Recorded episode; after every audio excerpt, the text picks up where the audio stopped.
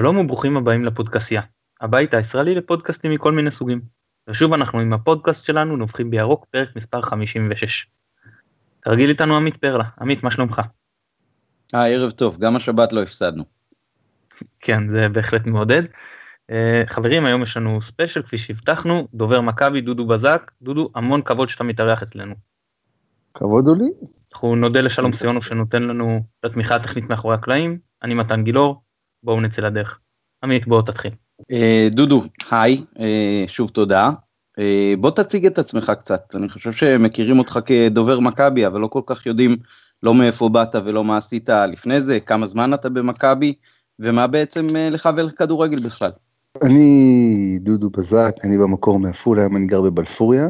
אני חגגתי 40 לפני משהו כמו שלושה חודשים. יש לי שלושה ילדים, נשוי, אני, יש לי שני תארים בתקשורת, תואר ראשון, תואר שני אה, אוניברסיטת בן גוריון. בתחילת הדרך שלי, כי הייתי בכלל עיתונאי, סיקרתי את האזור המוניציפלי בצפון, שנקרא עמקים, גליל עמקים.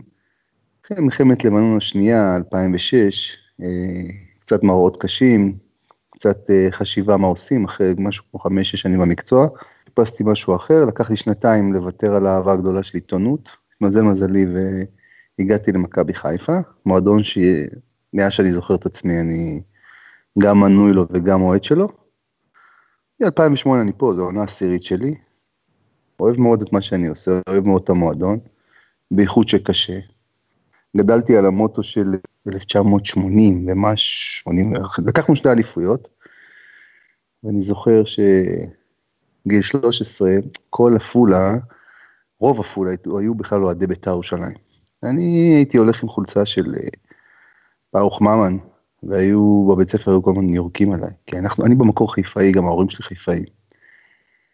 ואני זוכר שכולם היו בית"ר ירושלים, וזו תקופה שניצחנו, לקחנו שני, שתי אליפויות, ואז בפעם השלישית אה, פספסנו את האליפות, הפועל תל אביב, ואז הייתה הגיעה תקופת התור הזהב של בית"ר ירושלים, ובית"ר ירושלים אה, אה, עם אלי אוחנה לקחה איזושהי אליפות.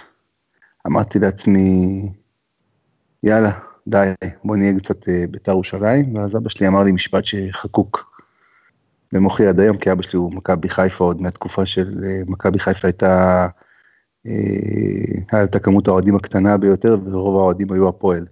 הוא אמר לי, תדע לך, שככל שיותר קשה למכבי, ככה צריך לאהוב אותה יותר. וזה משהו שאני גדלתי עליו, ולצערי הבן שלי הוא בן תשע, הוא בשבע שנים האחרונות, שש שנים האחרונות לא רואה, לא נהנה ממכבי חיפה, ואני כל הזמן משריש לו את זה. שככל שיותר קשה לה, ככה צריך לאהוב אותה יותר. זה הסיפור שלי עם מכבי חיפה. טוב, תשובה כהלכתה נראה לי. נקווה, נקווה שתקופת ההכשרה של הבן שלך הסתיימה והוא יוכל ליהנות קצת מאליפויות. אני מת, מת שזה יקרה, אבל הוא בינתיים לא נהנה. טוב, עוד חזון למועד, הוא צעיר. יש לנו, יש לנו שאלה כזאת, אה, בתקופה האחרונה, אחרי תקופה שבה היית מאוד פעיל ברשתות חברתיות, אה, לא כל כך אה, מוצאים אותך, מי שמחפש בפייסבוק, בטוויטר. זה עניין של החלטה מודעת, זה עניין של סתם נמאס, אתה רוצה קצת לפרוס את מה שעמד מאחורי העניין הזה? אני אתחיל קודם כל מהסוף. קודם כל אני ב, נמצא ברשתות, אני מקבל, כל, יש לה, במחלקת המדיה שלנו, שאני עומד בראשה אני הדובר, ויש uh, מנהל ניו מדיה, ויש עוד uh, עורך אתר, ויש כותבים. אני מקבל uh, אחת לשבוע, או ב, בפיקים של, uh, שהרשת אוססת, אני מקבל את כל מה שנאמר ברשת, את כל ה... את התנודות של הקהל, מה הכיוונים, מה אומרים, אה, מה הם אה, מדעת הקהל בכל אה, נושא, נושא ונושא, לאן היא נושבת הרוח. בגדול ברמה האישית היה לי דף פייסבוק שהיה מאוד מאוד פעיל, ואז נקודת השבר הייתה שהייתי בחופשה עם המשפחה, באיזה שבוע של חופשה, והייתי עונה לכל אחד. והעלינו תמונה של הבת שלי הייתה חולצה צהובה או משהו כזה. וחטפנו שם קללות, חטפנו שם, אה, זה היה מזמן, זה היה לפני איזה ארבע, חמש שנים. והוא גם בחופשה הזו, כל פעם שהיו שולחים הודעות בפרטי, מה עם מכבי חיפה, מה קורה, למה אתה לא עונה, למה זה, החופשה התקלקלה. כאילו היה לי שבוע אחד של חופש עם המשפחה, שזה, הייתי כל כולי בעניין הזה של מכבי חיפה, ואמרתי אחרי החופש הזה, אני, בוא, אני הדובר, בוא נעשה הפרדה, אני אקבל, אה, יש את האיש ניו מדיה, הוא יבשר לי מה שקורה, הוא יעדכן אותי, אה, זה היה מאוד אינטנסיבי, אני חושב שגם כן, אה, בראייה לאחור, אני חושב שזה היה נכון, כי כדי לקבל את ההחלטות הנכונות, תקשורתית, גם אם אנחנו טועים, טוב לא להיות בתוך, בתוך, בתוך, אלא לקבל את הרוח, ולא... ואני, האמת היא שבתקופה היא לפני, באמת לפני, מתן זוכר את זה טוב, אני חושב שהיה איזה אוהד שלו קיבל ממני תשובה, ולמכבי חיפה יש המון אוהדים. באיזשהו מקום זה כבר היה כמעט בלתי אפשרי, ואז הקש באמת היה כבר באותה חופשה שלא לא נהניתי בה. אז אמרתי יאללה בוא נפסיק, מה גם שפרצו לי איזה כמה פעמים בפייסבוק, בכל מיני, אתה יודע, הבנתם היום שאני לא הכי דיגיטלי בעולם, והקודים שלי היו ברמת 1, 2, 3, 4, והצליחו לפתוח לי את הזה, וכמה פעמים גם עשו שם כמה דברים ש... בקיצור, לא נהניתי מהפייסבוק ומהטכנולוגיה הזו. היום אני צורך את זה אחרת, אני רואה הכל. אבל... טוב, אולי זה מביא אותנו גם לשאלה הבאה, מה בעצם האני מאמין שלך ביחס לתפקיד הזה של אה, דובר במועדון צמרת בכלל, במכבי בפרט, ועד כמה לדעתך מכבי קרובה או רחוקה מהמקום האידיאלי הזה, ולאן אתה רוצה להביא את התפקיד הזה במכבי? תראו, אני ראיתי לפני כמה ימים אה, איזו, איזושהי כתבה על אזכורים ברשת החברתית של מכבי, של קבוצות כדורגל בישראל. אז מכבי חיפה הייתה במקום הראשון בי פאר, 25, 25 אלף אזכורים, מקום שני מכבי תל אביב, שלישי ברצלונה, אנחנו, זאת אומרת, אנחנו פש, כמעט פי שתיים ממכבי תל אביב באזכורים, זאת אומרת, אנחנו ממש פעילים ברשת. אני לא מדבר על אנחנו כמועדון, על הקהל, קבוצות הפייסבוק, אני חושב שזה כל הדברים האלו, גם שזה שלילי, זה מניע. זאת אומרת, זה אנרגיה, גם שהיא שלילית, גם שהיא חיובית, היא אנרגיה, היא מזיזה. אני אומר שהדבר הכי גרוע שיכול להיות למכבי חיפה זה שפשוט יום אחד תפסיקו לבקר אותנו, ותפסיקו להיות שליליים. למה? כי אז לא יהיה אכפת לכם. ושלא יהיה אכפת לקהל, אנחנו נהיה במצב הלא טוב. האני מאמין שלי זה שמכבי חיפה, אה, כדובר, מכבי חיפה היא כלי תקשורת בפני, בפני עצמה, שהיא צריכה לדבר עם הקהל שלה באופן ישיר, לא מתווך על ידי עיתונאים שלא אחת מסלפים את המסרים, וצריך לדבר עם היהודים ישירות. זאת אומרת, גם צריך להגיד להם את האמת, ולהתמודד איתה. גם שהיא קשה. אתה יודע, לפעמים באים ואומרים, תשמעו, העליתם פוסט. אה, קיבלתם 200 תגובות רעות. אז אני אומר להם, אתה יודע, גם היה שם איזה 600 לייקים, זאת אומרת שאנשים שהסכימו, ויש 200 שלא הסכימו. אז uh, אנחנו יצרנו שיח, ואני מאמין שצריך לתת את, ה, את הבמה לקהל, אתה יודע, הייתה גם תקופה שאומרים לי, למה אתם נותנים אה, כל כך הרבה קבוצות, פייסבוק וכאלו, למה אתם מחיים את הדבר הזה? אני מאמין שצריך להיות שיח, וצריך להיות שיח, הוא צריך להיות לא צווחני, הוא לא צריך להיות אה, אה, הרסני, ארסי מה שנקרא, הוא צריך לדעתי, אבל זו דעתי, צריך להיות ענייני, אבל הוא חייב להיות לוהט, לא תמיד לוהט, לא כי אחרת זה מה שמניע את הקבוצה, זה מה שגורם למכבי חיפה למכור 17,000 ו-20,000 מנויים. השיח הזה, כי אנשים מתעניינים, אנחנו הדבר הכי חם שיש ברשת מבחינת הספורט. ואין יותר פרסום ו-PR טוב מזה. אז אני מאמין שאנחנו צריכים תמיד להחיות את זה, ותמיד לתת גם כן לנובחים בירוק, שהם לא אחת, נובחים נביחות של רוטוויילר עלינו, לתת להם את הבמה, לתת להם אה, לנבוח, כי זה, אני חושב שזה אנרגיה שהיא מזיזה. זה אני מאמין שלי. היום התקשורת היא האזרחים, מה שנקרא, מה שאתם עושים זה תקשורת אזרחים. היא לא פחות חשובה מהתקשורת המסורתית, ולפעמים אפילו יותר חשובה. אוקיי, okay, אנחנו בטח לא נתווכח עם זה. Uh, שאלה אחרונה בסדרה הזאת של השאלות, uh, יש uh, לא אחת ביקורת על uh, עניינים דקדוקיים ולשוניים uh, בהודעות שאתם uh, מפיצים, ואני לא מתייחס רק להודעות בוואטסאפ, אלא גם uh, הודעות רשמיות באתר של המועדון, שמבחינה לשונית ודקדוקית אפשר היה, בוא נגיד, uh, לתת בהם הקפדה קצת uh, רבה יותר. מי בעצם אה, עושה את הבקרה על הניסוחים וסימני הפיסוק בטקסטים האלה? יש איש ניו מדיה, שהוחלף, הוחלפו שלושה אנשי מדיה. אני הדובר של המועדון, בגדול האחריות היא תמיד עליי, אני תמיד אשם, אבל אני, אה, אה, אני זה גם שצריך להקפיד על הדברים האלו. יש את הכותבים והעורכים שהם מתחתיי, שהם אמורים ואמונים על העניין הזה, אנחנו צריכים לשים על זה יותר דגש, אתה צודק. לאחת אנחנו עושים את זה מהחיפזון, כן, מהחיפזון, להוציא מהר את ההודעה לפני שהיא תדלוף, כי היא מגיעה לכבר כל כך הרבה אנשים, אז לפעמים היא לא יוצאת כמו שצריך. זה קורה גם בעיתונים גדולים, גם בוויינט, גם בידיעות, תמיד יש את השגיאות האלו, זה שגיאות של, אה, בעיקר באינטרנט, בעידן המהיר. זה לא אמור לקרות ככה, יש את החבר'ה שמתחתיי שצריכים לעשות את העבודה הזאת, אני צריך להקפיד עליהם הרבה יותר בעניין הזה. אה, זה בא כתוצאה מחיפזון, חיפזון הוא מהשטן, אבל אה, זה העידן הזה, זה עידן שהוא, יודעים כמה פעמים משנים, מעלים ידיעה בוויינט או באנרג'י או בוואלה, ומשנים אותה ומשכתבים אותה, ותמיד הכתבה המרכזית הראשונה, זאת אומרת הראשונית, היא, היא יוצאת עם לא מעט טעויות, צריך להקפיד על זה יותר, אני חושב שיש הרבה אנשים שזה, המילה הכתובה היא מאוד uh, קדושה להם והם חרדים וזה נכון, אתם צודקים. בואו נעבור לדבר על אה, אירועי כניסה היציאה הצפוני במשחק האחרון, אז כאן מעניין קודם כל מי נתן את ההוראה של הבדיקות הקפדניות האלה. משטרה. אני מדבר בעיקר על האנשים והקטינים. שאתה יודע, היו חייבים להכניס... אני יכול לספר לכם היום, אני אספר לכם שהיום, אני אספר לכם קודם כל, אה, נתחיל מהסוף, היום הייתה לנו פגישה עם אה, חלק מהבנות שעברו את החוויה הלא נעימה הזו. לא אחשוף את שמם כמובן, אבל הייתה פגישה מאוד מאוד מאוד אמוציונלית. אני יכול להגיד לכם שבשבועיים, מהרגע שהבנו שיש פה בעיה, גם אני, גם המנכ"ל, גם חברת האבטחה, נכנסנו לעניין הזה לעובי הקורה כדי להבין מה קרה שם. צפינו בלא מעט מאנשים שהתלוננו, צפינו בהם בכניסה לראות את הבידוק שלהם, במסורת וידאו, הכל מוקלט, הכל מתועד באצטדיון הזה. אה, אספנו את כל העדויות, הסקנו, ישבנו עם חברת האבטחה, הסקנו את המסקנות והגענו, וגם היום בשיחה הקשבנו לבנות, הם בעיקר עברנו אחת אחת ובעיקר באנו להקשיב להם והבנו את העניין, מה שקרה שם, מה שקרה שם זה לא היה בידוק.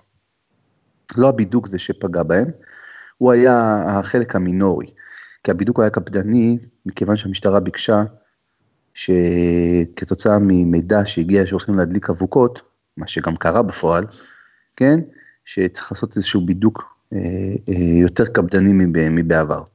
אבל זה לא מה שהפריע לבנות. היום, בשיחה אנחנו הבנו מה מפריע להם. שמסביב היו אה, גברים שהעירו הערות סקסיסטיות, העירו הערות פוגעניות, ואז הבנו שבעצם אנחנו צריכים לבודד. אנחנו או שנעשה כניסות מיוחדות לנשים וילדים, או שאנחנו נעשה אוהלי בידוק, וכל אישה שתרצה להיכנס לאצטדיון, ולפני שהיא תעבור בידוק גופני, היא תישאל אם היא רוצה לעשות את זה בפרהסיה, או שהיא רוצה לעשות את זה באוהל. אנחנו הבנו שההערות מסביב הם אלה שפגעו בהם, וזו הייתה חוויה לא נעימה. ככה אנחנו מצטערים, ואנחנו הולכים לתקן את זה. אוקיי. אתה יודע, יש, הבדיקה הקפדנית הזאת הייתה בכניסה ליציע הצפוני, וזה ברור ומובן, אבוקות לא הודלקו באף יציע אחר באצטדיון, וחפצים לא הושלכו משום יציע אחר באצטדיון, וזה ממשיך אותי לשאלה הבאה, של אם זה מה שקורה, וביציעים אחרים לא משליכים, ואני לא הרגשתי, הרי ביציע, אני במזרחי, הבידוק היה רגיל לחלוטין. ופעם אה, כבר היה את הפיילוט שאפשרו להכניס בקבוקי מים לאצטדיון, בעיקר לילדים, ואף בקבוק לא נזרק. אז למה בעצם לא, לא המשיכו עם זה? למה שבן אדם שמגיע ליציע המערבי או ליציע המזרחי לא יוכל להכניס בקבוק מים? כל, כל הנושא של הבקבוקי מים, אני חושב עד כמה אנחנו יכולים להכניס אה, גם מבחינת אה, הנושא של זריקת חפצים, וגם צריך לבדוק את זה חוקית מול המזנונים. הדבר היחיד שאנחנו, שאנחנו יכולים, אה, יש את כל הקולרים האלה. אז צריך לבדוק את זה, מבחינה כי יש להם זיכיון לקיוסקים. ו... אחד יש פה את חוק מה שנקרא חוק, חוק הפופקורן. נכון. שזה לא העניין הזיכיון כאילו לדעתי עורך דין יודע בטח יותר טוב ממני אבל לא טוב כאילו הטיעון הזה אני לא רואה אותו תקף ולגבי הקולרים אתם כמובן לא המפעיל של האצטדיון אבל אם יש לכם איזושהי יד אז זה אתה יודע הם נמצאים באיזשהו כוך בשירותים והגישה אליהם מאוד לא נוחה בעיקר במחציות שהעומס על השירותים מאוד גדול. במקום שהם יהיו בחוץ ובאמת יהיו אה, נגישים. האינטרס של המועדון הוא ש... שאוהד יבוא ותהיה לו את החוויית אה, צפייה הכי נעימה שיכולה להיות. זאת אומרת, אם הוא, אם הוא בא עם הילד או בא עם אשתו או בא בעצמו, רוצה לשתות את המים, אנחנו בעד. זאת אומרת, מבחינתנו, אה, העניין הוא שצריך לבדוק, יש רשימה של דברים שהמשטרה וחוק האלימות בספורט אוסר להכניס לאצטדיון כדורגל. הנושא הזה שאתה מעלה במזרחי ובמערבי, אה, של בקבוקי מים, צריך לבדוק אותו מה אומר החוק לאלימות בספורט. יש חוק שהוא יצא בשנת 2008, שהוא מגדיר באופן מאוד מאוד ברור מה ניתן להכניס ומה לא ניתן להכניס לאצטדיון כדורגל. צריך לבדוק את זה. דרך אגב, גם, אתה יודע, בתוכנית כזו לדוגמה, אנחנו לומדים, הנה, זה משהו שאיזשהו אה, רעיון שאתה מעלה, ואתה אומר, שמע, בוא'נה, אנחנו, תבדוק את הרקורד של היציאים האלה, אנחנו יציאים ממושמעים, על פי חוק, למה אנחנו מגבילים אותנו? שמע, זה לא משהו שהוא מופרך, צריך לקחת את הדבר הזה, לבדוק את זה מול המשטרה, לבדוק את זה מול החוק, ולראות באמת האם זה באמת יכול להיות, לבדוק גם כן מול הקיוסק, אני לא יודע, אני משער, יכול להיות שיש פה איזושהי אה, איסור או בגלל הזיכיון. צריך לבדוק את זה מכל המישורים, זה משהו שאני שומע אותו, זה רעיון שהוא מעולה פעם הראשונה. אתה יודע, עד עכשיו אף אחד לא חלם, חשב, סליחה, להכניס אה, בקבוק לאצטדיון כדורגל, מרוב, אה, מניסיונות העבר. אבל אתה יודע, צריך לקחת את המקרה הזה, ולראות איך אנחנו באמת אה, יכולים להתנהג איתו. אני חושב שבאמת, אני תמיד בעד שיציאים שהם, שהם מתנהגים כמו שצריך, אוהדים צריך לתת להם כמה שיותר, לעדן להם את חוויית הצפייה. אוקיי, בוא נעבור הלאה. בוא תעשה לנו קצת סדר עם עמית זנתי. דבר, יש בחור מצד אחד, הבנו שהוא לא רוצה לחתום על אה, חוזה חדש, לא ברור אם זה עניין הביטוח, עניין כספי, לא כזה משנה, ואז אה, מכבי לכאורה מייבשת אותו אה, ביציע וגם לא משאילים אותו, בסופו של דבר הוא, הוא יהיה שחקן חופשי בסוף העונה, ישוחרר רק בדמי השבחה מי שיקח אותו, אם אני מבין נכון גם אם הוא ילך לחו"ל אז בכלל לא, איך, לא, מה בדיוק קורה? יהיה פחות. בלא מעט מהעובדות דייקת. עמית זנתי זה שחקן שאנחנו אה, הבאנו אותו מאשדוד בשגיל 14, הושקענו בו לא מעט כסף. לא מעט כסף, הוצא לו חוזה, אני לא רוצה להיכנס לעניינים של המשא ומתן, ב... כי זה לא אתי ולא, ולא ראוי ואנחנו לא עושים את זה. אני יכול להגיד לך שבגלל שלאוהדים יש את הזכות לדעת, באמת אני בקטע של לתת ולפרוס את הכל, הוא קיבל את, אני לא רוצה להיות חד, הוא קיבל את אחת ההצעות הטובות ביותר של שחקן לגילו אי פעם במכבי חיפה. גם הסוכנים שלו תופסים את הראש. אני לא, מה לא אתה יותר כסף? זאת אומרת, על מה זה נפל? על סעיף שחרור? צריך לשאול את המשפחה. צריך לשאול את המשפחה. מכבי חיפה, תראה, מכבי חיפה היא כמועדון מאוד רוצה לשמר את ה... את הכישרונות, לשמר את השחקני בית, שהוא רואה בהם כ... כחומר שיבנה את הסגל הזה לעתיד, לעתיד ולשנים הקרובות. יחד עם זאת, הדברים צריכים לעשות בהדרגה. לגיל שלו, למעמד שלו, אני חושב שהוא קיבל את אחד החוזים היפים ביותר שהציעו לשחקן. עכשיו, יכול להיות שהוא יחתום. לא, כאילו, מה זאת אומרת? למה הוא בעצם, כי, כי הוא בעצם לא זמין לה, להבנתי, הוא לא זמין לצוות המקצועי, והוא גם לא הושאל כדי שלפחות מכבי תקבל איזושהי תמורה מסוימת. הוא לא שאל מכיוון שהוא לא חתם על חוזה. אוקיי, אבל כרגע יש לו חוזה תקף, לא? לא, החוזה שלו מסתיים, בסוף העונה. נכון, אני אומר, יכול להיות שהוא יעבור, יכול להיות שהוא באמת... בסוף העונה, לא? כן. אם הוא היה חותם על חוזה, כן, יכול להיות שהם משאילים אותו. אז, אז אני אומר, הוא לא חתם על חוזה, אז כרגע הוא לא משחק, לא במכבי ולא בקבוצה אחרת, זה מה שאני אומר, זה, הרעיון פה זה, זה להרתיע הלאה, זה לה, לה, להעביר לשחקנים של מי שלא חותם על, על חוזה. יש, יש מדיניות מאוד, uh, מאוד ברורה במועדונים גדולים. יש שחקנים שלא חותמים על חוזה, אתה לא יכול לקדם אותם. אוקיי. Okay. אתה לא יכול uh, לתת להם את הבמה, ובסוף השנה הוא הולך, ונגמר הסיפור. צריך להיות גם כן הוגנות, סוג של הוגנות. אני חושב אבל ש... אני חושב שלדעתי ולעניות דעתי, זנתי בסוף יחתום על חוזה מכבי חיפה. אוקיי. אה, אתה יודע, גם במשא ומתן, שיש לך עם שחקנים, יש לכל צד יש את הרצונות שלו. כן, אוקיי. יכול להגיד לך שיש משאים ומתנים שהולכים מהר, יש כאלה שהולכים לאט. אוקיי, בסדר, לומדים כל דבר. אוקיי. עמית? טוב, יש לנו פה שאלה מהקהל שמתוך איתנו, מי שהשתתף איתנו בשנה שעברה ובתחילת השנה הזאת ניר הופמן, עם הבלוג שלו מצד שני. הוא, הוא מבקש שנאזכר את הטענה של אה, קרלסן בראיונות שלו שהוא נתן אה, כשהוא סיים את התפקיד במכבי, ולפיהם התקשורת בעצם פוגעת בקבוצה. אז רצינו לשאול, הוא רצה לשאול, איך היא פוגעת בדיוק התקשורת במכבי? האם מדובר בשמועות של איומים, שזה שמועות שבעיניכם הן שמועות נכונות, שהכתבים מאיימים על שחקנים שידליפו, אה, או מה בעצם כתבים עושים שהוא לא בסדר, שבעיניכם הוא פגיעה לא לגיטימית במועדון. אני חושב שהוא קצת הגזים. אני חושב שהוא uh, השתמש בתקשורת, uh, קרסן השתמש לא אחת בתקשורת, הוא היה מאוד פעיל בתקשורת. Uh, היא לא מזיקה למכבי חיפה, זו לא הבעיה המרכזית של מכבי חיפה תקשורת. Uh, כמי שנמצא פה עשר שנים, וגם קצת יותר ותיק ממנו, גם יותר מכיר ממנו את התקשורת. אני חושב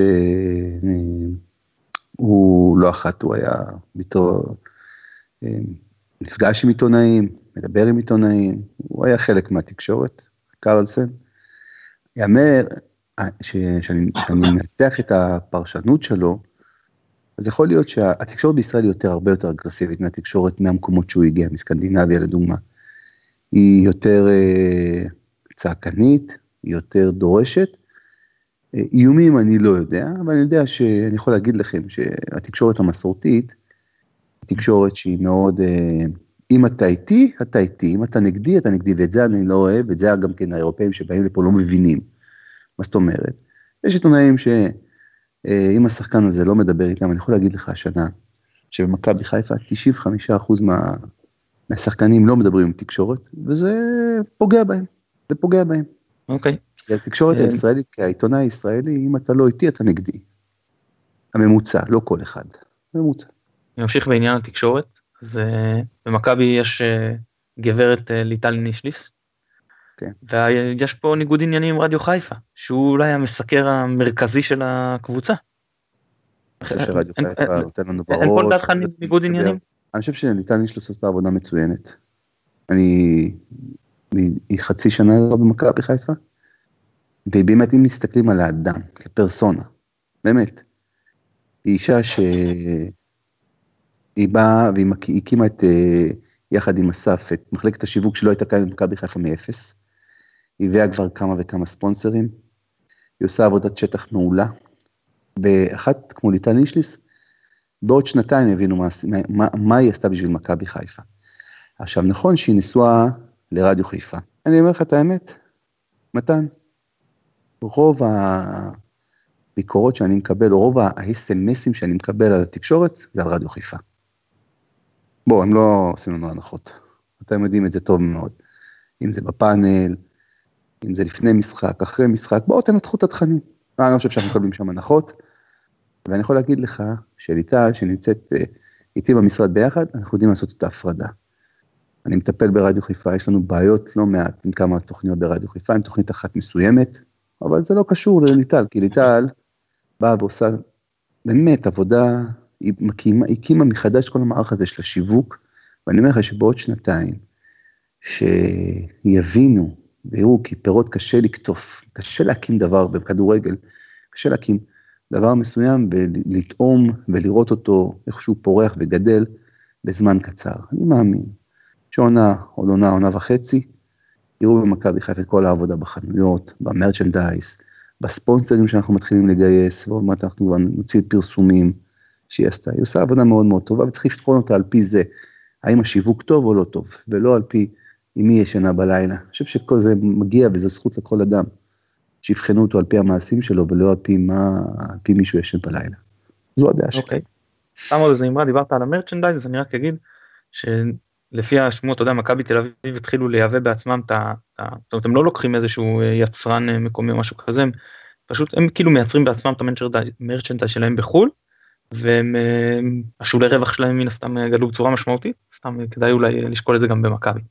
אבל בוא נמשיך הלאה, אז מכבי התחילה את העונה עם היחסי תקשורת קצת פאסיב אגרסיב, כמו למשל עניין המזון שהיה ביציע העיתונות, או הודעת הוואטסאפ שהייתה אחרי המשחק מול מכבי תל אביב, זה הקו שמתכוונים להמשיך בו? לא, האמת היא שזה סוג של מדרגות. אנחנו כרגע, אם אתה שואל אותי באיזה שלב אנחנו, אנחנו בשלב של... אה, שהתקשורת מבינה מה אנחנו רוצים ממנה. תראה, קרו כמה דברים. אחת, הוצאנו את התקשורת מכפר גלים, הם לא היו בכפר גלים משהו כבר חצי שנה. לא כף רגלו של שום עיתונאי לא דרכה בכפר גלים. כי זה מה שהשחקנים וכל הצוות מסביב ביקשו. המזון, אני חושב שזה שולי, כי אם, אם אנחנו עד היום שילמנו 60 שקלים למנה לעיתונאי והורדנו את זה ל-30 שקלים בואו מתן, אתה יודע, אה, אני לא חושב שזה משהו שהוא, לא יודע, אני לא, לא יודע איך אפילו להתייחס לזה. אנחנו חושב שגם עכשיו, אחרי שקיצצנו באוכל, נכון, אני חושב שאנחנו מהמועדונים שנותנים יותר מאחרים אה, באירוח לעיתונאים, אבל זה לא העניין. העניין הוא שאנחנו ביקשנו, מה אנחנו דורשים בעצם? אנחנו דורשים שני דברים, שני דברים בלבד. לא שיכתבו עלינו דברים טובים, לא שיפרגנו לנו כל שני וחמישי, לא שיפסיקו לבקר אותנו, אין קבוצה ואין מועדון שמבוקר בספורט הישראלי כמו מכבי חיפה. ביקשנו אמינות ויושר. יושר ואמינות, אתה יודע למה? בשבילכם. כי כשאתם קוראים את הדברים שהם לא אמיתיים, אנחנו צריכים אחרי לתקן, ואנחנו צריכים לתקן עוול שמישהו אחר עשה. ולזה זאת הסיבה שאתם כותבים בתקשורת? מה זה כן? כי אנחנו דורשים. יכול להגיד לכם שיש הרבה תוכניות והרבה ידיעות. בואו, האלף בית, לא מבוצע אלף בית, האתיקה העיתונאית, מה זאת אומרת? לא, לא בודקים את הסיפור, לא מצליבים את המידע. הסיפור לא נכון, וגם כשאתה אומר להם שהוא לא נכון, זה לא מעניין את העיתונאי. ובסוף גם הוא לא לוקח תגובה. וזה קורה על בסיס כמעט של פעמיים שלוש בשבוע. זה פשוט אבסורד, שאנחנו דורשים אתיקה. אתיקה. זה גורם לזה שאתם לא משחררים גם uh, שחקנים להתראיין ברשת כזאת או אחרת, באתר כזה או אחר? כן, אבל בח, בחלק מהאחרים, באתרים אחרים ובכלי תקשורת אחרים, אנחנו שחררנו. שחררנו, כי אנחנו מרגישים ששם העבודה היא, היא הופכת להיות הרבה יותר יעילה. מה זאת אומרת? אנחנו שוב פעם לא רוצים שיפרגנו לנו. רוצים, אבל אנחנו לא דורשים. אנחנו לא דורשים שיפסיקו לבקר, אנחנו דורשים אמינות ויושר. אמינות ויושר, אמינות בידיעות, ויושר, יושר מקצועי. זאת אומרת, גם אם יש לך אג'נדה נגד המועדון, בוא תבדוק את הדברים, בוא תצליף, זה א' ב', זה א' ב'. אני חושב שאתם, כשאתם עושים, נופחים בירוק, כשאתם עיתונאים אזרחיים, שאחד מכם הוא עורך דין ורואה חשבון, אם יש לכם מחר סיפור גדול, אתם תרימו טלפון ותבדקו אותו, ואין לכם שום קשר לעיתונות.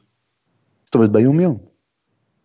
זה אבסורד שאני דורש מעיתונאי שיבדוק את המידע, שיצליב, שיעשה בסוף את החושבים ויחליט מה הוא רוצה לפרסם.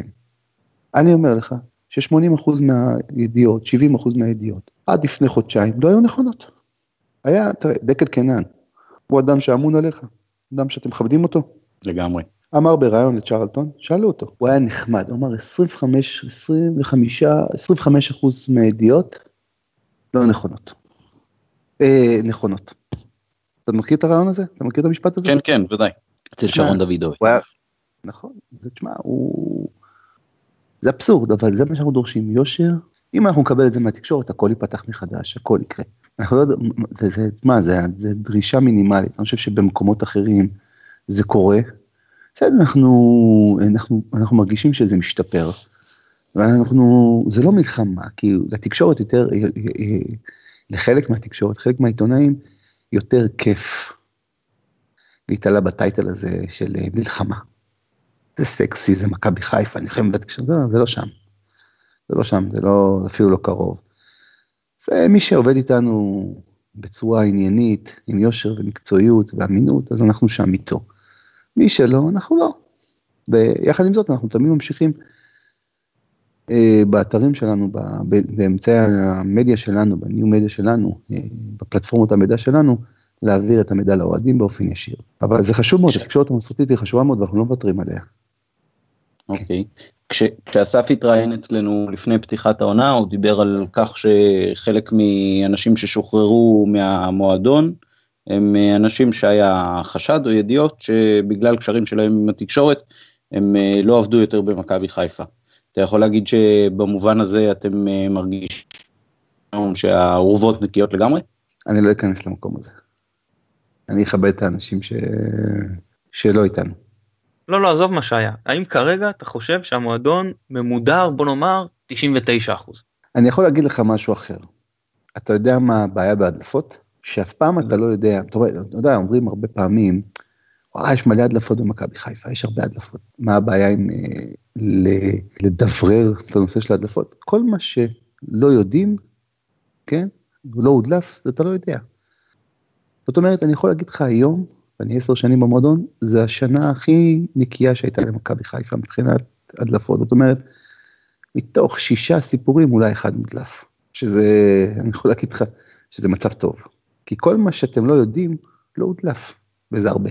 אז uh, אני, אני יכול, אף פעם זה לא יהיה 100%. תמיד יש okay. אוקיי. אנשים שקשה להם, אתה יודע, מה, מה זה הדלפות? הדלפות זה ברגעים שקשה. שקשה אז אנשים בורחים. Uh, ותמיד בתקופות קשות כאלו, בכל קבוצה דרך אגב. היום, היום באר שבע היא על הגל וטוב לה ו, ו, ו, ופחות קשה לה, זה פחות הדלפות, אבל לא מאחל להם, אבל אם באר שבע יהיה לה תקופות יותר קשות, אתה תראה הדלפות יותר. שמכבי תל אביב פחות טובה, אז פתאום המאמן לא טוב, פתאום השחקנים נגד המאמן, ושחקנים נגד ג'ורדי. חבר'ה, זה שקשה, לא פשוט, בכל החזיתות. ולצערי, אנחנו בתקופה ש... של שש שנים לא פשוטות, אז זה, אה, זה נראה שמכבי חיפה עכשיו יש יותר הדלפות, אבל אני יכול להגיד לכם שנעשית עבודה, גם בתוך המועדון, גם מול אוהדים, גם מול התקשורת. כי אתה יודע מה הכי קל מתן, מה הכי קל לעשות? פשוט לשבת ולא לעשות כלום. אבל צריך לטפל, צריך, צריך לא, לא קורא לזה לנקות, אבל צריך לטפל. ומכבי חיפה תרוויח בעוד כמה שנים את העבודה הקשה שאנחנו סופגים עליה המון המון ביקורת. גם אסף, גם אני, המון המון ביקורת, גם התקשורת, גם מטעם מועדים, אנחנו עושים את הכל, יכול להיות שאנחנו טועים, אנחנו עושים את הכל לטובת המועדון. אני מאמין שאנחנו לא טועים, ואני מאמין שבסופו של דבר, אנחנו אה, בעוד אה, שנה, שנתיים, המועדון הזה יהיה הרבה יותר בריא. אבל חייבים לטפל בזה. וזה לא פשוט הדרך לטפל. הכי קל זה להכניס את העיתונאים, לשבת איתם, לתת להם את האוכל הכי טוב, אבל זה לא פותר את הבעיה. זה לא פותר את הבעיה של יושר ואמינות. טוב, אז אה, מה שנקרא אסוציאציות מש... בשליפה בחצי משפט. אני נותן לך שם, אני ככה אזרוק לי עליו. דורון בן דור. חרוץ מאוד, ולא תמיד נחמד. יניב קטן. אגדה. מוטי פשחצקי. בעיה... מוטי פשיחצקי. התחיל לסקר אותנו. לא קל, לא קל, לא קל, לא טיפוס קל. איציק אהרונוביץ'. נקסט. אסף בן דב. הרכש הכי טוב של מכבי חיפה. טוב, אמרו את זה גם על רוני לוי. אז הנה, אז אנחנו עוברים עכשיו לרוני לוי. אה, לא, לא, זה אמר ינקלה, זה אני אומר. אוקיי, ורוני לוי? מאמן ענק. אה, כמעט כל שנה תואר. אין את זה בתולדות הכדורגל הישראלי כמעט. מאמן ענק. אוקיי, הקופים הירוקים. חוויה. יוסי בניון. פיקשוש. טוב, עמית בוא תמשיך. אוקיי, אה, נעבור קצת לנושאים אחרים. אה, לא ראיתי שפורסם כמה מנויים אה, יש למכבי העונה. כמעט 17,000, 17,000 מנויים, כן. אוקיי, זה פחות או יותר אותו סדר גודל של אשתקד? 8 אחוז, 5 אחוז יותר, משהו כזה. 5 אחוז אוקיי, יותר. כמה, כמה, כמה יש מנויי חוץ? זה, זה השיא, אם יכלנו גם להגיע למספרים הרבה יותר גבוהים, אבל 400 או 500, כי אה, לקחים את האיצטדיון הכי קטן ועושים 10% ממנו. אוקיי. מה האיצטדיון הכי קטן, נגיד אשדוד, אז אתה יכול לא... עכו, עכו, אה, עכו הכי קטן. עכו, אתה עושה לך 10% כי אתה לא יכול יותר להבטיח כרטיסים. כן. כמה הצטרפו כן. למועדון גרין פלוס של מכבי? אלפים. לדעתי זה כבר 5,000, 4,000, 5,000.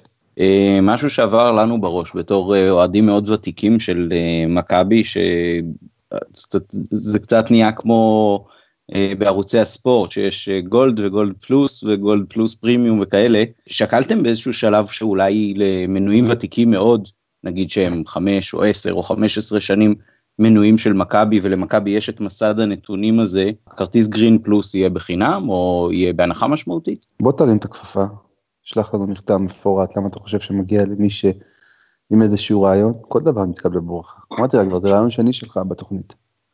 אחד זה עם המזרחי והזה שאנחנו צריכים לבדוק, וגם עם הנושא של ה green card. יכול להיות שבאמת לאוהדים ותיקים, לא יודע אם צריך לעשות את זה בחינם, יכול להיות צריך במחיר שונה, יכול להיות צריך לתת להם עוד הטבה. אני חושב שלוותק יש משמעות. וזה רעיון לא רע. תראה, גם, גם אם אתה נותן green card, אז לאף אחד לא יהיה אה, בעיה לשלם על ה green plus. אה, סליחה. הכל בסדר. באותו עניין, טוב, אני... אתה יודע למה, אתה יודע למה, דרך אגב, אתה יודע למה זה בא לי באסוציאציה, אתה יודע למה זה הגיע. כן, ודאי. כי אחי קיבל אתמול green card, וזה יושב לי בראש. אה, אוקיי, מברוק. למה אין אה, כרטיסים בהנחה כמו שיש למשל, נגיד לנוער חיילים בכמות מסוימת, אבל למה לא לפנים משורת הדין לתת גם לגמלאים? דרך אגב, אין לנו, אין לנו כרטיס נוער. מדבר על המנויים או כרטיס רגיל למשחק? לא, לא, כרטיסים, כרטיסים, כרטיסים למשחקים. אנחנו מודדים, אנחנו מודדים למכור, למכור מנויים. אני חושב שגם גמלאי, במחיר של 700 שקלים או 800 שקלים, שזה מחיר של אה, כמעט קרוב ל-20 משחקים, אני חושב שזה מחיר הוגן. אנחנו בחרנו לעשות מחיר זול, גם לגמלאי, גם לבחור צעיר, גם לנוער, גם לחיילים וגם לאיש שיש לו כסף ואיש שאין לו כסף. אני חושב שזה מחיר הוגן. אם אנחנו נתחיל לעשות את הקטגוריות האלה של גמלאי, של אה, נוער, חייל, יש להם שתי בעיות. הראשונה זה שאנחנו צריכים לעשות צ'קרים, בדיקות, שזה יעכב את הכניסה, זאת אומרת, סתם לצורך העניין, אתה נכנס, כל הכניסה היא אלקטרונית. לאצטדיון, אם אתה נכנס עם כרטיס גמלאי ואתה בא, אני צריך לבדוק שאתה אכן גמלאי, אני צריך להציג תעודה.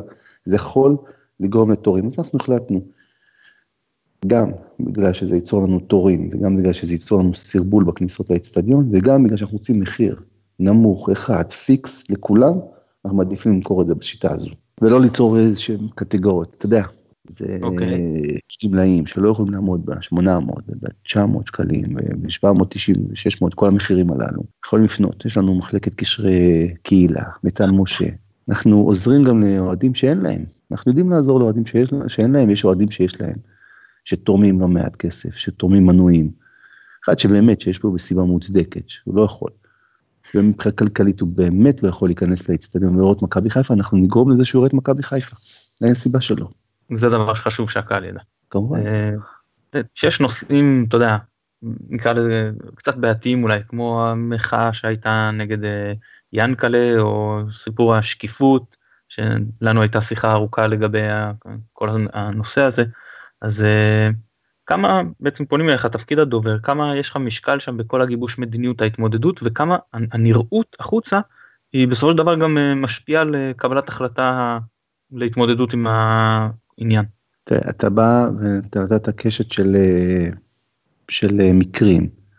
תראה, אני קודם כל, כל דבר אני מביע את דעתי מבחינה תדמיתית. לא תמיד התדמיתית זה ההיבט המרכזי. זאת אומרת, לצם לצורך העניין, אם נגיד אני אומר, תדמיתית השחקן הזה לא מתאים למכבי חיפה כי הוא לא משקף את מכבי חיפה, אבל מקצועית הוא מתאים אז ברור שמקצועית ההחלטה הזאת היא החלטה שהייתי, תמיד אני צריך להביע, תמיד אני מביע את דעתי, תמיד אני אומר מה שצריך לשמוע ולא מה שרוצים לשמוע. לא תמיד מקבלים את דעתי וזה בסדר, כי אני מציג את הדעה המקצועית מבחינה תדמיתית בלבד ולא, ויש עוד קשת של, של דעות שצריך לקחת בחשבון, של שיקולים בטח במעגל השיקולים. גם בנושא הינקלך וגם בנושא של, אמרנו על השקיפות, אני מביע את דעתי, צריך להבין במכבי חיפה מהי הבתיות, מה הבעייתיות המרכזית שאתה מנסה לגעת בה. מכבי חיפה יש לה 17 אלף מנויים, מה שדיברנו על זה מקודם. כל משחק מגיעים כ-20 אלף אוהדים, זה 20 אלף דעות, זה לא מכבי פתח תקווה. זה לא הפועל עכו, זה גם לא מכבי תל אביב, זה הרבה יותר גדול. זה הרבה יותר גדול, לכל אחד יש את הדעה שלו. יש קבוצות בתוך הקהל שהן תחת אמונות, תחת עקרונות מסוימים. יש כל אוהד מבין את זה אחרת, רואה את הדברים אחרת, מה שלך מתאים לשני לא מתאים. אתה יודע, זה מאוד קשה, לשבת בכיסא שלי כדובר זה מאוד מאוד מורכב, כי כל הודעה שאנחנו מוציאים וכל סיפור שאנחנו כותבים, או כל כתבה שאנחנו עושים, כל אחד רואה את זה בזווית שלו, בפרשנות שלו, ויש 20 אלף פרשנויות לזה. אני לא יכול לענות על כולם, זאת אומרת אני לא יכול לגרום לכולם להיות מרוצים. אני חושב שגם נושא של ינקלה, או נושא של השקיפות, יש כאלה שבעד, יש כאלה שנגד, אנחנו צריכים לקבל את הכל באהבה ולכבד. אם זה ניסה הכל במסגרת החוק, במסגרת זה שזה לא פוגע במועדון, אה, אנחנו לא, לא רואים עם זה שום בעיה. בוא, בוא נמשיך, אה, עד כמה שחר מעורב במה שקורה בקבוצה, כמה, מה התדירות שהוא מתעסק עם הדברים, איפה ההשפעה שלו באה לידי ביטוי, זה אחד, ושתיים, אחרי שחר, מי בהיררכיה הוא האיש הבא, האיש הכי, הכי, השני הכי חזק במועדון נקרא לזה. אני יכול להגיד לך שיאנקלה, אני לא יודע אם הרבה יודעים, אבל יאנקלה הוא הרבה יותר מעורב במכבי חיפה בשנים האחרונות מבעבר, הרבה הרבה יותר מעורב. אה, הבנים שלו גדלו, המשפחה אה, גדלה, היא יותר מנהלת את העסק, והוא יותר מחובר, אני חושב שיאנקלה בשנים האחרונות ממש מעורב בכל דבר של כל מכבי חיפה, הוא יודע הכל. הוא יודע כל דבר, אה, מאוד חשוב לו, הוא נמצא הרבה בכפר גלים, דרך אגב, הדלפות, הרבה פעמים שהוא נמצא בכפר גלים, לא יודעים. הוא בקשר יומיומי עם כל, אה, עם כל אה, נושאי התפקידים המרכזיים במועדון. הוא מאוד מאוד מאוד מודע לכל פרט וכפרט, באמת, חד משמעית. השאלה השנייה שלך, אתה, יש את ינקלה, יש את עוזי, אסף, את אודי, יש את ברקנה, דירקטוריון, למכבי חיפה יש את הראש, שזה ינקלה הנשיא, יש את סגן הנשיא עוזי מור, יש את המנכ"ל, שהוא מנהל את מכבי חיפה בפועל ביום יום, ויש את הדירקטוריון, שזה אודי, ברק קנה וצביקה ויצנר. הם האנשים שמנהלים את מכבי חיפה. כן. שאלה, אם כבר, אם כבר הזכרת את אודי, זו דווקא שאלה שלא לא הכנו, אבל uh, נשאל אותך בכל זאת. אודי, או, אתה יודע, אני ראיתי שההוצאות המשפטיות של מכבי הן מאוד גבוהות. דברים על, אם אני לא טועה משהו סביב, היו בעונת 2015-2016 סביב 800 אה, אלף שקל, סתם שאלתי עורכי דין מהתחום וזה, נתנו, אמרו לי שזה מאוד מאוד אה, גבוה. עכשיו, אה, לא שאני דואג לכסף של אה, שחר, כן, אז אתה יודע, אבל אה, כמה זה היחסים אה, השפיעו פה? ואני יודע שאלה קצת קשה לענות. לא, לא, לא, לא שאלה קשה, זו שאלה הכי קלה עכשיו ברעיון. אני יכול להגיד לך, כי זה מצחיק אותי, כי השבוע חשבתי על זה. יש את, uh, במשרד של אודי, מי שמטפל בנו זה לא אודי, זה עופר בן אסא. הוא העורך דין שמטפל במכבי חיפה. אני חושב שדיברתי איתו השבוע יותר ממה שדיברתי עם אשתי. גם בנושא של האוהדים עם הדדיות, גם בנושא של, הוא מטפל לנו עכשיו בנושא של שני שחקנים ה, עם ה, מהנוער שרשמו אותם כזרים והם כן, ישראלים. ראיתי שהעניין הסתדר. בוועדות המשמעת. הם מטפלים בנו בכל הנושא של הוויזות, הם מטפלים בנו בכל החוזים שאנחנו חותמים. אתה יודע כמה מכבי חיפה חותמים חוזים? כמעט אחת ליום נחתם חוזה במכבי חיפה, לא רק שחקנים. חוזים מסחריים, הם אחראים עלינו על כל נושא בייצוג בבית משפט. כל אוהד אה, שתובע, כל תביעה, הם מייצאים לנו בכל החוזים שיש לנו, לפני הכתיבה שלהם. זאת אומרת, יש הרבה גם כן אה, משאים ומתנים שלא מבשילים לידי חוזה, והם מייצאים לאורך כל דרך, יש להם המון המון עבודה. אני אומר לך, אתה אומר מחיר, אתה אומר מחיר שהוא. אני אומר לך ש-800 אלף שקל שאתה אמרת, אני לא הסתכלתי על זה. אם אני זוכר נכון. הם עובדים מאוד מאוד אוקיי. קשה, תבין, מכבי חיפה, אתה צריך להבין, מתן, אתם צריכים להבין, מכבי חיפה זה מועדון הכי ענק בספורט הישראלי. 20 אלף אוהדים, זה מלא ספקים, זה, זה חברות, עזוב את השחקנים, זה מחל, מחלקות נוער וכאלה. זה, זה דבר אדיר, זה דבר גדול. במכבי חיפה יש עשרות עובדים, מאות אפילו. והייעוץ המשפטי הוא חלק מאוד מרכזי ודומיננטי בניהול של המועדון הזה, כי יש לנו facing המון גדול עם, אה, עם הקהל שלנו ועם הרבה ספקים, הרבה נותני שירות. אז, אה, אז משם זה נובע, לא בגלל החתמה של שחקן כזה או אחר, אני חושב שזה משם הסכומים. אה, בואו נדבר קצת על המינוי הגדול האחרון, מוחמד אהלך. אז בואו תן לנו מה בדיוק הגדרת התפקיד שלו, הסמכויות, ולמה הביאו אותו דווקא עכשיו. אחרי שאתה יודע, בקיץ כאילו היה אמור להיות מישהו ונפל, ואז החליטו לא להביא במקום, ופתאום עכשיו כן, אז מה קרה? מי שהיה אמור להיות פה זה מוניס. זה ידוע לכולם. מסיבותיו שלו הוא החליט לא לבוא. דרך אגב, אף אחד במועדון לא יודע את הסיבה האמיתית. אף אחד במועדון לא יודע מה בדיוק קרה בתוך המשפחה שם, שזה... האמת שגם אף אחד לא בודק. אה, הוא חתם על החוזה, הוא החליט לא לבוא, ברגע שמישהו אומר לי, ינקלה, אני לא רוצה לבוא, כי אני לא יכול, 1, 2, 3, 4, ינקלה בכלל לא מתווכח, מבחינתו החוזה מבוטל, כי אנחנו רוצים פה אנשים שהם מיינדד, אנשים שהם רוצים במלוא, ב-100% להיות פה במכבי חיפה. אה, התחלנו איתו את התהליך. אני יכול להגיד לך שאחד הסקאוטים שלו, אחד האנשים בצוות של מוניס, היה פה בישראל, עבד פה, עבדנו איתו גם כן בשלט רחוק, ועדיין היה קשר מאוד רציף, אבל עדיין רצינו שמישהו ינהל את זה מבחינה מקצועית את היום-יום, וחיפשנו. פנינו אליו עוד פעמיים או שלוש, למוניס כדי שיבוא ויקבל את המשרה. הוא שוב בחר שלא, מסיבותיו שלו, אנחנו לא יודעים את הסיבה, והתמזל מזלנו, ומו, שהוא, אה, בהולנד הוא שם דבר, החליט לבוא לפה, החתמנו אותו, אני יכול להגיד לך, הוא פה שבועיים בארץ, הוא מאוד מאוד מאוד עסוק וטרוד עם מה שקורה במכבי חיפה ומה שיקרה, הוא משנה הרבה הרבה דברים, משנה הרבה דברים, הוא פחות מדבר בטוויטר, בגלל זה לא יודעים מה הוא עושה, אבל הוא משנה, יש, יהיו לא מעט שינויים במכבי חיפה. ומה לא הסמכויות רק שלו? פרסונליים, לא רק פרסונליים. ומה הסמכויות הסמכויות שלו? הוא ראש המערכת המקצועית? חד משמעית. אני אגיד לך למה אני שואל את זה. כי בבקשה. אה, כי כשהפניתי שאלה דומה לאסף בקיץ, אז הוא אמר ששחר. שחר זה האיש כאילו בפסגת הפירמידה המקצועית. אתה אומר לנו שעכשיו זה הלך? לא, כשהוא מדבר על ינקלה, ינקלה קובע שני דברים. זאת אומרת, עכשיו אחד, את מי המנהל המקצועי. ינקלה מאשר כל שחקן כלכלית, כי אתה לא יכול להביא שחקנים שהם אה, לא ב-level אה, הכספי של מכבי חיפה, ויאנקלה גם כן מאשר כל שחקן מבחינה פרסונלית. כל שחקן שמגיע למכבי חיפה, ינקלה נפגש איתו. הוא רוצה להכיר אותו. זאת, הקש- זו אחת הסיבות שלא מעט שחקנים גם לא היו במכבי חיפה, בגלל שפרסונלית היה תחושה שהם לא מתאימים. שזה דבר מאוד מאוד חשוב. אבל יחד עם זאת, זה היה בוואקום, שלא היה פה מנהל מקצועי. עכשיו אני מאמין שמי שיעשה את העבודה הזו, גם מבחינה כלכלית, הוא ידע את המסגרות התקציב, הוא גם ייפגש עם השחקנים מבחינה פרסונלית, יעשה את זה. עכשיו, המנהל המקצועי, או המנהל הטכני, שככה הוא בוחר שיקראו לו, לנו זה לא משנה. מנהל מקצועי, והוא גם- מנהל טכני. גם כל הנוער, הילדים, זאת אומרת הוא גם שם, אה, אותנו לא מעניין איך קוראים לו, מנהל מקצועי, מנהל טכני, הוא אחראי על כל הנושאים המקצועיים במכבי חיפה, מהילד הכי קטן עד השחקן הכי בוגר. נקודה. אוקיי, מאה אחוז. עמית, בוא תמשיך. אה, טוב, נלך ככה קצת אה, אחורה בזמנו, דיברנו על זה גם אה, קצת לפני תחילת ההקלטה, היה מפגש בזמנו עם צ'יזיק באיצטדיון בקריית אליעזר, במפגש הזה הובטחה הפתעה. ההפתעה הייתה בסוף רק הסמל, או שבכלל לא הייתה הפתעה, או שזה היה איזשהו ניסיון לבאז מנויים ולא יותר. תשמע, אני יכול להגיד לך היום, בדיעבד, אנחנו מדברים על שנת המאה של מכבי חיפה, אני יכול להיות שאני נאיבי. אני, יכול להיות שאני יותר מדי רומנטיקן של כדורגל, אני תמיד האמנתי שסמל של מכבי, שסמל של קבוצת כדורגל, בייחוד של מכבי, זה הרבה יותר רכש.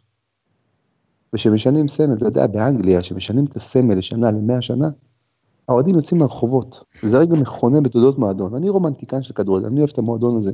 באמת, מבחינתי זה הרבה יותר גדול מלהביא את, אה, איך אמרו, את יעקובו, אז רצו, חשבו שיעקובו יצא אז מה... זה. טעיתי, כי הרבה חשבו שיותר חשוב להביא שחקן, שזה הרבה יותר אה, משמעותי, וזאת צריכה להיות ההפתעה. חשבתי שזה יגרום לקהל להתרגשות יותר, אני מאמין שיש הרבה שהתרגשו מזה. אבל לרוב לא התרגשו מזה, וזה לא עשה להם את זה, אז כנראה שאנחנו עדיין לא שם, אנחנו לא באנגליה, מבחינת ה... שהסמל הוא, מה זאת אומרת, לא, לא אהבה לסמל, אלא שמשנים סמל זה יום מכונן בתולדות מועדון, זה משהו שאתה לוקח אותו במשך שנים. אני הייתי ברגע הזה שמכבי חיפה הייתה בת 100, הרי זה יקרה פעם אחת בחיים. לכולנו. חשבנו שזה משהו שהוא מיוחד. אוקיי, טעים. מרומנטיקן, מר- מרומנטיקן אחד לרומנטיקן אחר שעוזב אותנו בינואר. עמית, שנייה, שנייה, שנייה, עוד מעט תמשיך עם זה, אני רק אגיד לך מילה לגבי הסמל דודו, ואני גם אמרתי את זה לאסף. לי יש חולצה, החולצה שאני הולך איתה למשחקים, זה החולצה שקיבלתי לבר מצווה. זה עדיין החולצה שאני הולך איתה למשחקים, אה, אנחנו מדברים על 1996, אז עונה 96-7. הסמל שם הוא ירוק, הוא ירוק על לבן, פאץ' לבן עליו ירוק. הסמל של מכבי היום כבר שנים הוא שחור. הצבעים של מכבי זה ירוק לבן, לא שחור. הסמל יכול להיות ירוק. זו, זו, זו, זו דעתי ואני אמרתי את זה גם לאסף. לא, זה בסדר. אתה, אתה מבין שגם, ברור לך שגם אתה רומנטיקן כמוני. כן אני לא מסתיר. הדברים האלה, הפרטים הקטנים האלה. אני חשבתי שאני, התמזל מזלי והייתי במערכת בשנת המאה. מלבד סרט שאנחנו נצא, עוד מעט יצא לאקרנים סרט של אה, שעה וחצי על מכבי חיפה, שהוא סרט של 100 שנה למכבי חיפה, זה סרט של חובה לכל אוהד, וזה משהו שאני רוצה שיגברו אותי איתו, ביחד, כי מבחינתי זה ה- אה, אחד הפרויקטים הגדולים ביותר אני חושב סרט. שלנו. כן, כן, כן, זה יהיה בקרוב, זה בצ'רלטון, זה סרט שאנחנו עובדים עליו כבר ארבע שנים. היו שם גדול, כל השחקנים של מכבי חיפה הגדולים, ומהרגע הראשונים, מהרגעים הראשונים של המועדון הזה, איך שהוא נולד, הקבוצה הירוקה, ועד השנים האחרונות של השנים הפחות הטובות. אז שוב פעם, באותה תקופה שעשינו את הסרט, חשבנו שגם הסמל הוא משהו שהוא מיוחד, אתה יודע, היה, מה, כל, ה, כל, הבגד, כל הביגוד, כל הדגלים במועדון הוחלפו. ראינו בזה משהו משמעותי, אתה יודע, אני לוקח את, אתה יודע, זה אחד הרגעים הקשים שלי, שהבנתי שזה לא באמת, שכאילו, אני הייתי בטוח שזה יש קוצזוס. סמל זה דבר, אנשים לא, לא כל כך התחברו לרעיון הזה, חטפנו אש. אני חושב שאני לא, לא, לא מתלונן ולא על מהביקורת, אבל אה, היינו בטוחים ש, שזה כמו שבמדינות כמו באנגליה, שמשנים סמל זה משהו גדול ומשהו משמעותי, זה לא היה ככה, בסדר, חטפנו בראש. אוקיי. Okay. אוקיי. Okay. נשאר בתחום הרומנטיקה ואני אשאל פה ככה שאלות שמורכבות מכמה תתי סעיפים. אחד זה מה מתוכנן לפרידה מדקל קיינן, שהוא בפירוש לא, אה, לא, לא, לא. סמל רומנטי. זה קשה, לא חושב על זה. לא יודע. זה מעבר, לא יודע. זה מעבר לפינה. לא יודע, תראה, אני, התמזל מזלי ואני הייתי בשנים של דוידוביץ', חרזי, קייסי, אה, קטן, בוקולי, אה, משומר פרשו. משומר כבר לא, משומר המשיך, אבל פרשו רובם. מבחינתי זה שחקנים אדירים, זה, זה, זה הקוטל של מכבי חיפה, השחקנים האלו. לא יודע, דקל קנן זה אחד מהם, אז זה, זה יהיה משהו, זה יהיה משהו יפה. לא יודע, לא, אני עדיין, עדיין אני חושב על זה שהוא אמור להיות אולי בשבת במגרש, ולקחת אותנו לדרבי ומשחקים כאלה, אבל הוא יקבל את אותה, אותה אהבה ואותה כמות אה, אה, תודה. יש בחירות אה, מתקרבות בחיפה ואנחנו יודעים שהיחסים עם שחר, אה, עם אה, יונה יהב, יודעים בעיקר אה, ירידות בשנים האחרונות. אה, יש מחשבה אולי לנצל קצת את הכוח של מכבי ואת ההפשרה שאולי יש אה, ביחסים כדי אה, לנסות וללחוץ לקבל כמה דברים אה, שחשובים לנו באיצטדיון. למשל, שוב רעיונות. לקרוא יציע על שם אה, שחקן או אוהד כזה או אחר, אה, לקרוא אולי אפילו כניסות ושערים על שם מישהו שיקר למועדון וחשוב, ג'וני ארדישון, כרמלי, אבי רן, השמות פה באמת בלי סוף, אני בטוח שגם לאוהדי הפועל יכול להיות סיי בעניין הזה. מישהו חשב אולי להרים את הכפפה מול יהב בעניינים לא- הסמליים האלה? אני גאה באחד הדברים שאני מאוד מאוד גאה במכבי חיפה, זה שאנחנו מועדון הפוליטי. גם ברמה המוניציפלית וגם ברמה הארצית. זאת אומרת, אנחנו לא באמת מביעים דעה ולא מביעים אה, אה, ולא מנצלים אה, כלכלת בחירות, במרכאות כפולות, כדי למקסם לנו דברים ולמקסם לנו כל מיני הטבות. אני לא חושב שאנחנו נלך למקום הזה. הלוואי והיה את האפשרות לקרוא לשער כזה או אחר על שם אה, שחקנים כאלו ואחרים. אה, האצטדיון לא של מכבי חיפה, הוא אצטדיון עירוני, אנחנו לא יכולים להחליט על דעת עצמנו, אני יכול להגיד לך. אני אתן לכם סקופ. הנה, יש לכם סקופ. אנחנו נבנה מוזיאון. אנחנו התחלנו לעבוד על המוזיאון, ושם אנחנו אה, נדע לתת אה, את ה... להגיד קודם כל תודה ולתת את ה... להציג לראווה את כל הפועלם של כל גדולי המועדון הזה, ואני חושב שזה יהיה, תהיה חוויה. תהיה חוויה מאוד מאוד גדולה. אנחנו התחלנו כבר לעמוד מול אה, כמה וכמה חברות, אני חושב שזה יהיה ספינת הדגל של מכבי חיפה. לא יודע, אתה יודע, אני עכשיו נכנס למשפט כזה, אתה יודע, עוד יגידו לי, נו, מתעסק במוזיאונים וכאלה, תשמע, לי זה דברים שהם מאוד חשובים. הסמל, המוזיאון, הסרט, אני אמרתי לך דודו, אתוס של מועדון כדורגל זה דבר חשוב וזה גם מתחבר לי לעניין הזה של כמה אני תופס את הדבר הזה כציבורי, כקהילתי, אתוס זה דבר חשוב. אני מסכים איתך, תראה, אה, אמרתי לך, למכבי חיפה יש 20 אלף אוהדים כל משחק ויותר, 20 אלף דעות, יש כאלה שחושבים שלמה להשקיע במוזיאון, אלא צריך להביא את החלוץ הכי טוב שיש כרגע בשוק. כל אחד והדעה שלו. אני, בדעה האישית שלי, עכשיו אני מסיר את הכובע של דובר, אלא שם את הכובע של אוהד, מוזיאון, הסרט, הסמל, זה דברים שלקחת אותם מכל החיים, זה מבחינתי סוג של ניצחונות גדולים מאוד, שאני אכנס בפעם הראשונה למוזיאון של מכבי חיפה, אני חושב שזה התרגשות לא פחות משעלינו לליגת אלופות.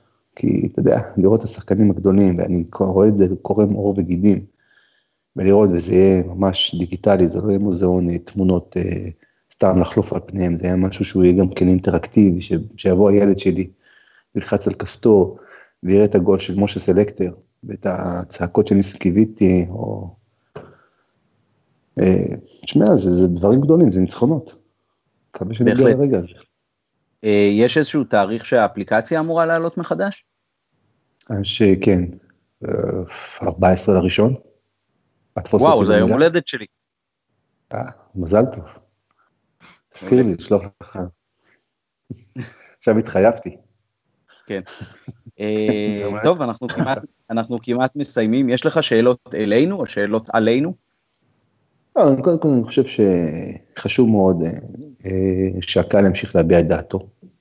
חשוב מאוד גם, אה, גם בפייסבוק וכל הקבוצות האלו. מה שלי חורה עכשיו, מה שלי מציג וכואב, שמכבי חיפה כמועדון בשנים האחרונות אה, אתה יודע, האוהדים ביקרו אותנו, משהו קטן. ביקורת קטנה שלי על הקהל. שנהיינו קבוצות, קבוצת אה, מכבי חיפה או למות, קבוצת כזאת ואחרת, קבוצה כזאת ואחרת, ולעיתים יוצא איזשהו מריבות, אנחנו פחות מאוחדים מבעבר. אה, ואני באמת קורא מפה, כי אני יודע שזו תוכנית מאוד פופולרית. שחשוב מאוד, שאני חושב שההתחלה של היציאה שלנו, של השנים הטובות, שכולנו נתאחד. גם ביציאה, אני יודע שיש לא מעט עימותים בין ארגון כזה ואחר.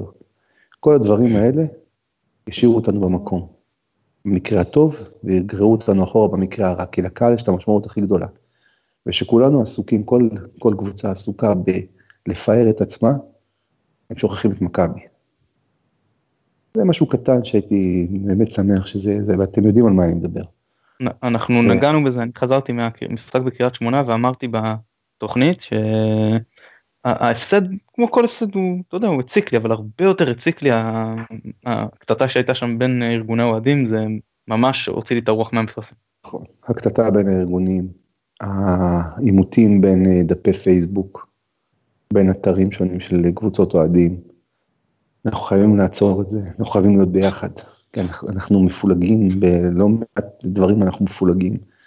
ואם אנחנו נעשה, תראה, אני לא מצפה שכל, כמו עוד פעם, אני חוזר על המנטרה הזאת של 20 אלף דעות. אני לא מצפה שכולם יחשבו את אותה דעה ויביעו וכולם ילכו דיקטטורה צפון קוריאה. לא, ממש לא. אבל כדי שמכבי חיפה תעלה על דרך הישר, אנחנו קודם כל צריכים להתאחד בפנים. אנחנו צריכים לכבד אחד את השני. דף אחד את הדף השני, ארגון אחד את הארגון השני. אם אנחנו לא נהיה שם, אנחנו לא נצליח. אני רואה את זה מהצד, אני רואה את זה, אני רואה את זה שני צעדים קדימה, ולדעתי, אה, מלבד הבעיות של מכבי חיפה המקצועיות, שהן העוררין, וזה ה top priority שצריך לפתור, אבל יהיה טוב למועדון הזה, שאנחנו נתמודד ביחד, כולנו. אני חושב שקצת איבדנו את זה, שכל אחד אה, אה, שם את עצמו אה, כמביע הדעה החשובה ביותר, שהארגון שלו החשוב ביותר. החשוב ביותר זה מכבי חיפה. כולנו חיילים של מכבי חיפה. אמירה טובה לסיים איתה. כן, אז רק שנייה, אמרה אחת לפני מה שנקרא, לפני שניפרד על אה, ג'וני ארדי. אז אחד אני אגיד לקהל כי סביר להניח שבגלל שאתה מתראיין אצלנו הפרק הזה יזכה לתפוצה גדולה יותר. אני מנקודת המבט שלי יש מיסטר מכבי חיפה אחד. יש הרבה שחקנים שגדולים ומאמנים ואנשים והנהלה. באמת הרשימה היא בלתי נגמרת של אנשים שמגיע להם לכבוד הכי גדול שיש אבל מיסטר מכבי חיפה יש אחד וזה רק ג'ון. ואני חושב שכל אוהד של מכבי צריך לבוא למשחק שבו יהיה את הטקס פרידה הזה לשאוף להיות שם. אני חושב שהמועדון צריך לעשות פה משהו שהוא מעל הסטנדרט של הדברים שהיו עד עכשיו אני שוב חוזר זה מיסטר מכבי חיפה וכזה יש רק אחד וכזה אני לא מאמין שיהיה עוד.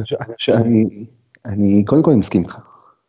מסכים איתך שבמכבי חיפה ג'ון יארדי יש מקום של אה, אותיות אה, קדושה וזהב בחומה הזאת שנקראת מכבי חיפה. אני מזכיר לך שעוד בחייו אה, ג'וני זכה לכבוד מאוד מאוד גדול ממכבי חיפה. בסרט לג'וני יש, אתם ראיתם חלק ממנו, שאנחנו הוצאנו קצת בטיזר, שג'וני אה, ממש, קשה להגיד את זה, אבל בימים שהוא גסס כבר, שהוא היה חולה מאוד, איך הוא מדבר בתשוקה על מכבי חיפה, ונגענו בזה שכולנו צריכים להיות חיילים של מכבי חיפה. לכו לראות את הקטע הזה שג'וני אומר, שהדם שלו הוא כולו מכבי חיפה, כדי להבין את התשוקה ואת האהבה שזה למועדון. בסופו של דבר, כל מי שמסביב למועדון, גם יש שחקני עבר שמבקרים את המועדון הזה. אבל אני אגיד לך, כולם אוהבים את המועדון הזה. כולם רוצים בהצלחת המועדון הזה. אבל כולם צריכים להיות ביחד. צריכים לבקר אותו, צריכים לבקר אותנו, אותי, ואת ינקלה, ואת אסף. אנחנו מקבלים את הביקורת באהבה, אבל צריכים להיות ענייניים, לא מתלהמים, אבל מעל הכל צריכים להיות כולנו ביחד. אני חושב שזה הכי חשוב, כי כשאני רואה שקבוצה כזו, פייסבוק כזאתי, מתריסה נגד קבוצה אחרת, ואני רואה שארגון כזה רב מכות עם הארגון האחר, זה, זה לא זה, זה לא כיף. זה... הטקס צפוי, הטקס לא צפוי נגד אה, אשקלון? אני לא יודע אם זה אנחנו נעשה את זה נגד אשקלון, אני חושב שיכול להיות, אני חושב שאני, לא יודע. אנחנו צריכים להתייעץ עם המשפחה, אני חושב שצריך לעשות את זה באיזה משחק, אה, מפעיל גבוה. אה, צריך למצוא את המקום ה... ש... שג'וני מגיע לו. אוקיי, אולי, אולי. אני לא יודע, אני לא יכול להבטיח, כי אנחנו עוד לא נתנו על זה את המחשבה. אוקיי, בסדר. דודו, המון המון תודה. אוקיי, דודו, נהדר. המון המון תודה שהתארחת אצלנו, שנתת באמת, לא התחמקת ונתת לנו תשובות, ושאפו, ואנחנו אה, מזכירים שאז דיברנו ואמרנו שגם בעתיד אה, נארח שחקנים, אז אנחנו נשמח אה, באמת שגם זה יקרה. שוב, תודה רבה. תשמע, אמרתם לי שהולך להיות שאלות קשות, אז אני מבטיח לך ששחקנים יבואו, כי אלה היו שאלות מהלב, שאלות אמיתיות על מכבי חיפה, שאלות שהן לא באות לפגוע, אלא באות לקדם. אני מבטיח לכם שיהיו שחקנים של מכבי חיפה, אני מודה לכם, היה לי שעה כיפית. ליגת אלופות. גם לנו. עמית, כרגיל תענוג. תודה רבה. גם לי ותודה לדודו. תודה רבה, עמית, תודה רבה לשלום, תודה רבה מתן. תודה, תודה לשלום סיונוב שנותן לנו את התמיכה הטכנית מאחורי הקלעים. אני מתן גילאור, תודה רבה שהאזנתם, ביי ביי.